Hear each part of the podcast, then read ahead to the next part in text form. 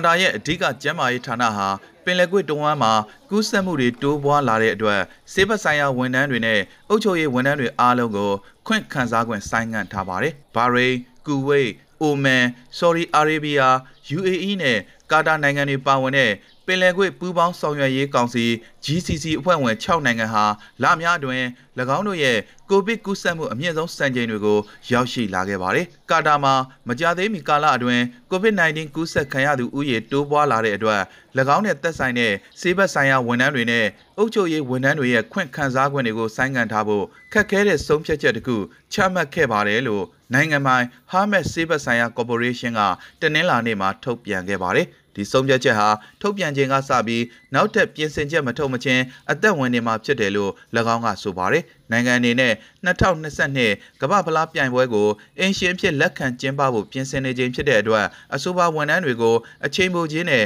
ထောက်ပံ့ခြင်းတွေပေးမှာဖြစ်တယ်လို့ဆိုပါတယ်။ကယောဂစတင်ခြင်းကစလို့ကာတာမှာတေဆုံးသူ616ဦးအပါအဝင်ကူးစက်ခံရသူ2,4800ကျော်ရှိခဲ့ပြီးတနင်္လာနေ့ကအသစ်ကူးစက်မှု343ဦးဟာမေလနောက်ပိုင်းအမြင့်ဆုံးဖြစ်ပါတယ်။ GCC အဖွဲ့ဝင်6နိုင်ငံအတွင်းစုစုပေါင်းသေဆုံးမှု19000ကျော်အပါအဝင်ကူးစက်မှု2.5တန်းရှိခဲ့ပါတယ်။ကမ္ဘာပေါ်မှာကာဝယ်ဆေးထိုးနှံမှုအမြင့်ဆုံးနိုင်ငံထဲမှာပါဝင်ပေမဲ့ UAE ဟာပင်လယ်ကွေ့နိုင်ငံတွေထဲမှာကူးစက်မှု9,5300ကျော်နဲ့အများဆုံးစံချိန်တင်ခဲ့ပါတယ်။တနင်္လာနေ့ကအသစ်ကူးစက်မှု1932ဦးအထိစံချိန်တင်ခဲ့ပြီးဒါဟာ6လအတွင်းအမြင့်ဆုံးဖြစ်ပါတယ်။ UAE ဟာပြီးခဲ့တဲ့ဇူလိုင်လကတည်းကလေကြောင်းသွားလာမှုကိုဖွင့်ပေးခဲ့တဲ့ပထမဆုံးနိုင်ငံတွေထဲကတစ်ခုဖြစ်ပါတယ်။ခီးသွွားလုပ်ငန်းဟာဒူဘိုင်းရဲ့အဓိကကျတဲ့စီးပွားရေးလုပ်ငန်းတစ်ခုဖြစ်ပြီး2019ခုနှစ်အတွင်းခီးသွွားဧည့်သည်ပေါင်း16.8တန်းကိုကြိုဆိုခဲ့ပါတယ်။ကမ္ဘာအစီကားဆုံးခီးသွွားအချက်ချာဖြစ်တဲ့ဒူဘိုင်းအပြည်ပြည်ဆိုင်ရာလေဆိပ်ဟာ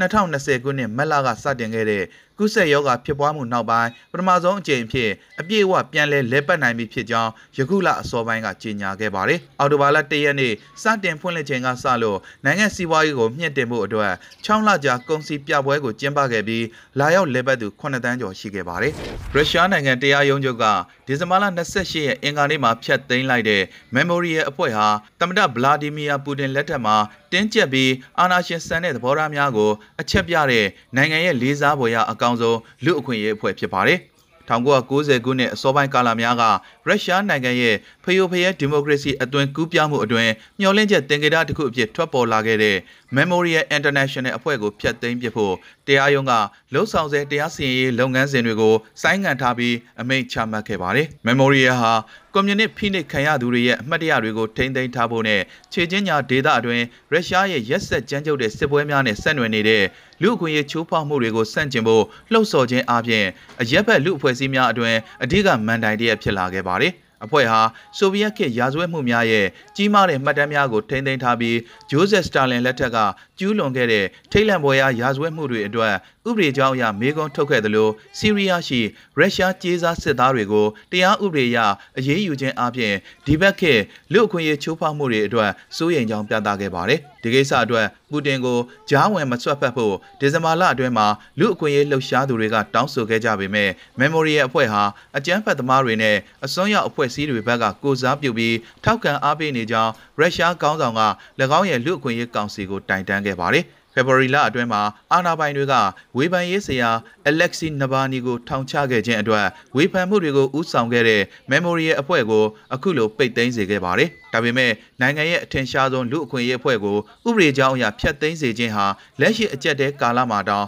ဆိုးဆိုးရွားရွားထင်ရှားပေါ်လွင်စေခဲ့ပါတယ်။ရုရှားမှာ Memorial အဖွဲ့ဖျက်သိမ်းမှုဟာနက်နဲတဲ့ကိုကျင်တရားကြဆဲမှုအပြင်ရုရှားလူမျိုးတို့ရဲ့21ရာစုယဉ်ကျေးမှုနဲ့ထင်ရှားတဲ့ခွဲခြားဆက်ဆံမှုရဲ့တင်ကြတာဖြစ်လာလိမ့်မယ်လို့ထင်ရှားတဲ့ရုရှားလူမျိုးဒါဇင်ပေါင်းများစွာကအိတ်ဖွင့်ပေးစာမှာပြောကြားခဲ့ပါတယ်။ဆိုဗီယက်ရဲ့လွန်ခဲ့တဲ့နှစ်30ကျော်ကမကြက်သေးတဲ့ဒဏ်ရာတွေကနေသွေးထွက်ပြန်တယ်လို့၎င်းကဖော်ပြခဲ့ပါတယ်။ Memory ရဲ့အဖွဲ့ကိုဆိုဗီယက်ခေါင်းဆောင် Mikhail Gorbachev လက်အောက်ကကွန်မြူနစ်အုပ်ချုပ်မှုနောက်ဆုံးနှစ်များအတွင်း1989ခုနှစ်မှာစတင်တည်ထောင်ခဲ့ပါတယ်။၎င်းရဲ့ပထမဆုံးဥက္ကဋ္ဌမှာ Nobel ဆုရဆိုဗီယက်အတိုက်ခံခေါင်းဆောင် Andriy Sakharov ဖြစ်ပါတယ်။ငြိမ်းချမ်းရေးနိုဘယ်ဆုအတွက်ပုံမှန်ယာရာစင်းမှာပါဝင်ခဲ့တဲ့အဆိုပါအဖွဲ့ဟာရုရှားအာဏာပိုင်တွေအတွက်ခေါင်းခဲစရာအဖြစ်နှစ်အတန်ကြာရပ်တည်နေခဲ့ပါတယ်။ရုရှားဟာ လွန်ခဲ့တဲ့နှစ်30ကဆိုဗီယက်ယူနီယံပြိုလဲပြီးနောက်ပိုင်းပထမဆုံးအကြိမ်တီထွင်မှုဖြစ်တဲ့၎င်းရဲ့အကြီးစားအန်ကာရာဒုံးပြန်တဲ့ကိုတတိယအကြိမ်ဖြစ်ဒီဇင်ဘာလ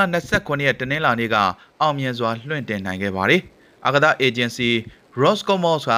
မျိုးဆက်သစ်အာဂါရာ A5 ဒုံးပြန်ကိုရုရှားနိုင်ငံမြောက်ပိုင်းမှာရှိတဲ့ပိုဆက်စစ်ဒုံးလွတ်စင်ကနေလွှတ်တင်ခဲ့ကြောင်းတနင်္လာနေ့နှောင်းပိုင်းကကြေညာခဲ့ပါတယ်။ဒါဟာ2014ခုနှစ်က ပထမဆုံးလွှတ်တင်ခဲ့တဲ့ဒုံးပြန်သစ်ရဲ့တတိယမြောက်ခီးဖြစ်ပါတယ်။စစ်ဖက်အာကာသတပ်ဖွဲ့တွေနဲ့ရုရှားအာကာသလုပ်ငန်းတစ်ခုလုံးအတွက် Roscosmos ကဂုဏ်ယူပါတယ်လို့အေဂျင်စီရဲ့ကြေညာချက်မှာဖော်ပြခဲ့ပြီးလွှတ်တင်မှုအောင်မြင်ခဲ့တယ်လို့ဆိုပါတယ်။ agency အကြီးအကဲ Dimitri Rogozin က Telegram မှာအဆိုပါသတင်းကိုကြိုဆိုခဲ့ပြီး Come on baby လို့ရေးသားခဲ့ပါတယ်။ပြည်လွတ်မှုအကျိုးလုပ်ငန်းများနဲ့ Ankara A5 ဒုံးပြန်လွှတ်တင်မှုအားလုံးကိုမှန်ကန်စွာလှုပ်ဆောင်နိုင်ခဲ့ကြောင်းကာကွယ်ရေးဝန်ကြီးဌာနကဆိုပါတယ်။ အဆိုပါအကြီးစားအန်ကာရာဒုံးပြန်ရဲ့ယခုအချိန်မတိုင်ခင်ကပြစ်လွတ်မှုကို2020ခုနှစ်ဒီဇင်ဘာမှာပြုလုပ်ခဲ့ပါတယ်။ဆိုဗီယက်ယူနီယံပြိုကွဲပြီးနောက်ပိုင်းပထမဆုံးအဖြစ်တိစောက်ခဲ့တဲ့မျိုးဆက်သစ်အကြီးစားအန်ကာရာဒုံးပြန်တွေကိုဘိုက်ကောရေကန်ကနေစီးဆင်းလာတဲ့စိုက်ဘေးရီးယားမြစ်ရဲ့နာမည်ကိုအစွဲပြုပြီးအမည်ပေးထားတာဖြစ်ပါတယ်။၎င်းတို့ကို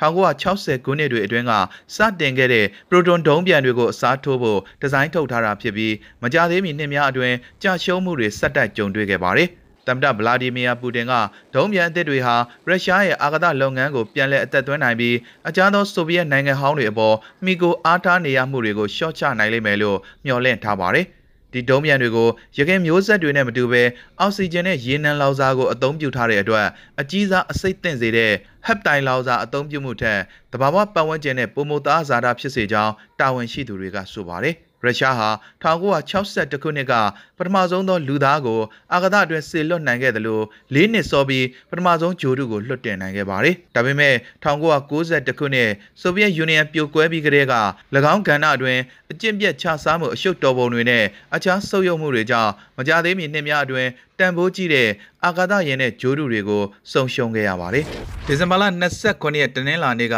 စပိန်နိုင်ငံလာပါမာကျွန်းပေါ်ကအရေးပေါ်ကယ်ဆယ်ရေးအဖွဲ့တွေဟာ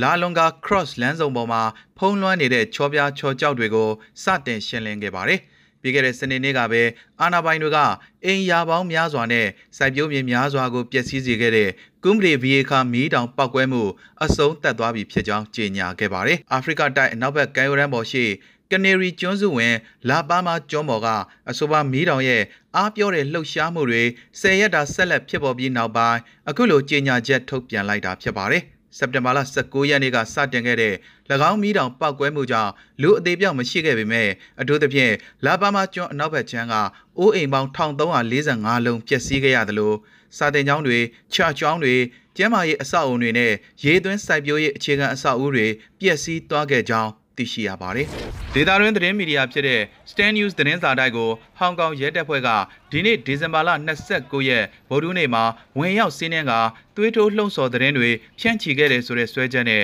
တာဝန်ထမ်းဆောင်ဆဲဝန်ထမ်းနဲ့ဝန်ထမ်းဟောင်းစုစုပေါင်း6ဦးကိုဖမ်းဆီးခေါ်ဆောင်သွားခဲ့ပါတယ်။ရဲအင်အား200ကျော်ဟာတရားရုံးကထုတ်ပြန်တဲ့ရှာဖွေဝရမ်းနဲ့အတူ Stand News သတင်းစာတိုက်ကိုပိုက်စိတ်တိုက်ရှာဖွေပြီးဂျာနယ်ထုတ်ဝေရေးနဲ့သက်ဆိုင်တဲ့ပစ္စည်းတွေကိုတင်စီခဲ့တယ်လို့ရဲတပ်ဖွဲ့ကဆိုပါတယ်။ လွန်ခဲ့တဲ့နှစ်နှစ်ကကြီးမားအားကောင်းခဲ့တဲ့ဒီမိုကရေစီအရေးစန့်ကျင်ဆန္ဒပြမှုတွေစတင်ပြီးနောက်ပိုင်းဒေတာတွင်သတင်းစာလုပ်ငန်းတွေအပေါ်ဖိနှိပ်မှုတွေလှုပ်ဆောင်လာခဲ့တယ်လို့နောက်ပိုင်းမှာအမျိုးသားလုံခြုံရေးဥပဒေကိုပါပြဋ္ဌာန်းခဲ့ပါတယ်။ Stan News သတင်းစာရဲ့လက်ရှိ editor ချုပ် Patrick Lam ကိုလက်ထိတ်ခလျက်အနေထားနဲ့ခေါ်ပြီးသတင်းစာရိုက်တဲ့ဝင်ရောက်ခဲ့တာကို AFP သတင်းတောက်ကမျက်မြင်တွေ့ရှိခဲ့ရတယ်လို့ဆိုပါတယ်။ အာယွန်တက်ခါနီးအချိန်မှာလက်ထောက်အက်ဒီတာ Romson Chan ရဲ့အိမ်အပြင်မှာအမျိုးသားလုံခြုံရေးရဲတပ်ဖွဲ့တွေရောက်နေကြောင်း Stan News က Facebook ပေါ် live လွှင့်ခဲ့ပါတယ်။အဆိုပါရုပ်သံထဲမှာလူထုကိုစူပူအောင်ကြွအောင်လှုံ့ဆော်တဲ့သတင်းတွေရေးသားဖြန့်ချီမှုအတွက်စုံစမ်းစစ်ဆေးဖို့ဝရမ်းပါလာကြောင်းရဲတပ်ဖွဲ့က Romson Chan နဲ့ပြောဆိုနေတာကိုတွေ့မြင်ရပါတယ်။ချမ်းရဲ့နေအိမ်ကိုရှာဖွေခဲ့ပေမဲ့အပန်းမခံခဲ့ရပါဘူး။ Stan News ဟာ Apple Daily Media ပြီးရင်ဟောင်ကောင်အာဏာပိုင်တွေပြစ်မှတ်ထားခဲ့တဲ့ ဒုတိယမြောက်မီဒီယာဖြစ်ပါတယ်။ Apple Daily ဟာအမျိုးသားလုံခြုံရေးဥပဒေနဲ့၎င်းရဲ့ပိုင်ဆိုင်မှုတွေကိုပိတ်ဆို့ခံရပြီးနောက်ပိုင်းဇွန်လကတိုက်ပိတ်လိုက်ရပါတယ်။ Stan News သတင်းစာတိုက်ရဲ့လက်ထောက်အက်ဒီတာချုပ်ချန်ပူီကွမ်ကိုဖမ်းဆီးခဲ့တယ်လို့နေအိမ်ကိုလည်းရှာဖွေခဲ့တယ်လို့ဒေတာရဲမီဒီယာတခုကဆိုပါတယ်။ဒါအပြင်ဟောင်ကောင် pop ကျယ်ပွင့် Dennis Ho ဥပဒေအကြံပေး Margaret Nan, Christine Fan နဲ့6တက်ချီတို့အပါအဝင် ဗုတ်အဖွဲ့ဝင်တွေကိုလည်းဖမ်းဆီးခဲ့ကြောင်းဒေတာရင်းသတင်းတွေမှာဖော်ပြပါရှိခဲ့ကြောင်းသိရှိရပါတယ်။